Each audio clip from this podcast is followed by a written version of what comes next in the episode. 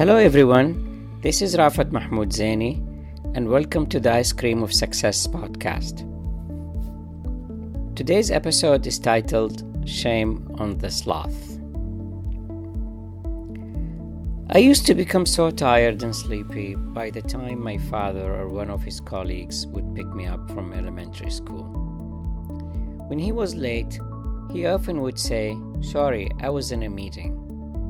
So the word meeting became one of the first words in the adult world that stressed me out. Despite coming home late from school and being exhausted, my mother would not allow me to take a nap. Not before I did all my homework, in order to watch the late afternoon cartoons, or as I called them, Pussycat. It was a time that I looked forward to all day and would hardly blink while watching those cartoons. My mother always said do not postpone today's work to tomorrow. And so I did.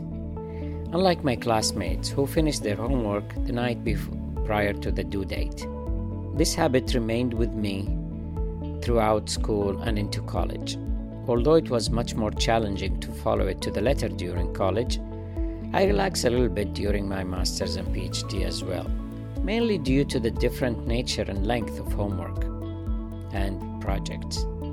However, I remained an early starter to finish at least a day prior to the submission date. I even finished preparing for my PhD dissertation defense early, so I spent the night before in peace and tranquility. Initially, the habit of completing all my tasks as they arrived into my inbox presented me with a great deal of stress. But I acclimated through the years of higher education when I felt that I shouldn't stress too much. The habit disciplined me in other aspects of daily life. Initially, the habit of completing all my tasks as they arrived to my inbox presented a huge challenge to me, but I acclimated through the years of higher education when I felt that I shouldn't stress too much. The habit disciplined me in other aspects of daily life. I'm never late to work, meetings, appointments, exams, and certainly for flights. My mother passed down to me her love for getting a job done with zero procrastination. Although I still cannot compete with my mother, she competes in a higher league. Anyways, back to when I would get so sleepy at the end of the school day and I couldn't help but snooze. My mother would wake me up from my long nap by teasing me, whispering into my ear, Shame on the sloth, a mouse hopped into their pocket. And I remember I would wake up so upset because that meant I missed the pussy cat. I believe that explains my aversion until today to afternoon naps. By the way, before I conclude, I'd love to share with you some wonderful news.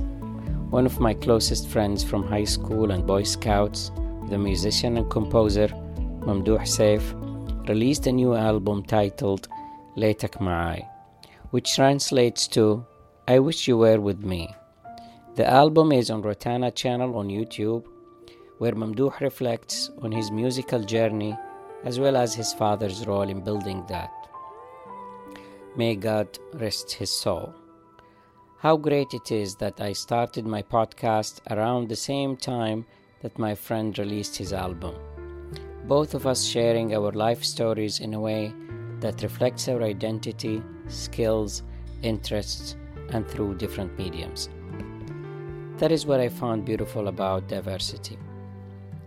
I hope that you enjoy listening to Mamdouh's musical story in Letak Ma'ai and try savoring its beauty, as savoring beauty is a blessing. Until next time.